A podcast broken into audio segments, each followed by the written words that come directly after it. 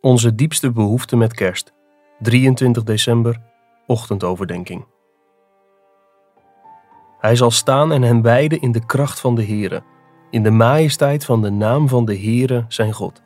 Ze zullen veilig wonen, want nu zal hij groot zijn tot aan de einde van de aarde. Hij zal vrede zijn. Micha 5, vers 3 en 4. Micha profeteerde dat hij groot zal zijn tot aan de einde van de aarde. Er zullen geen verzetshaarden meer zijn die niet zijn opgeruimd.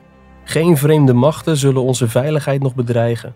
Elke knie zal zich buigen en elke tong zal hem beleiden. De hele aarde zal vervuld zijn met zijn heerlijkheid. Hij zal onze vrede zijn. Ja, in dit verband omvat dat ook de definitieve, aardse, politieke vrede. Micha 4, vers 3 sprak daar al over. Hij zal oordelen tussen vele volken en machtige heidevolken vonnissen tot ver weg. Ze zullen hun zwaarden omsmeden tot ploegscharen en hun speren tot snoeimessen. Geen volk zal tegen een ander volk het zwaard opheffen. Oorlog voeren zullen ze niet meer leren. Op een dag zal de heerser, de koning der koningen en de heer der heren terugkeren en dat werkelijkheid maken. Dan zal het kerstlied eindelijk zijn vervuld. O vredevorst, gij kunt gebieden de vrede op aard en in mijn ziel. Doe alle volken tot u vlieden, dat al wat ademt voor u kniel. Daarmee komen we bij een andere, diepere vrede. Een vrede die tot stand moet komen voor er vrede kan zijn op aarde. Er moet vrede zijn tussen God en ons. Ons ongeloof en zijn toorn moeten worden weggenomen. Dat is onze diepste vrede en onze diepste behoefte met kerst. Micha wist dat dit eraan kwam. Hij had het persoonlijk ervaren, Micha 7, vers 8 en 9. En hij beschrijft dat prachtig aan het slot van zijn boek, in Micha 7, vers 18 en 19. Wie is een God als u, die de ongerechtigheid vergeeft, die voorbij gaat aan de overtreding van het overblijfsel van zijn eigendom?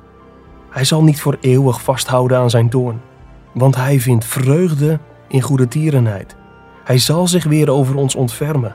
Hij zal onze ongerechtigheden vertrappen.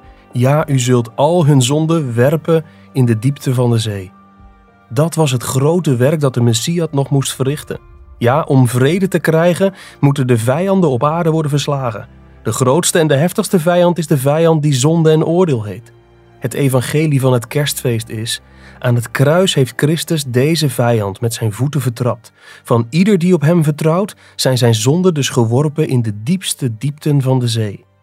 Daarom zeggen we niet eer zij aan ons, maar eer zij aan God in de hoogste hemelen en vrede op aarde in mensen een welbehagen.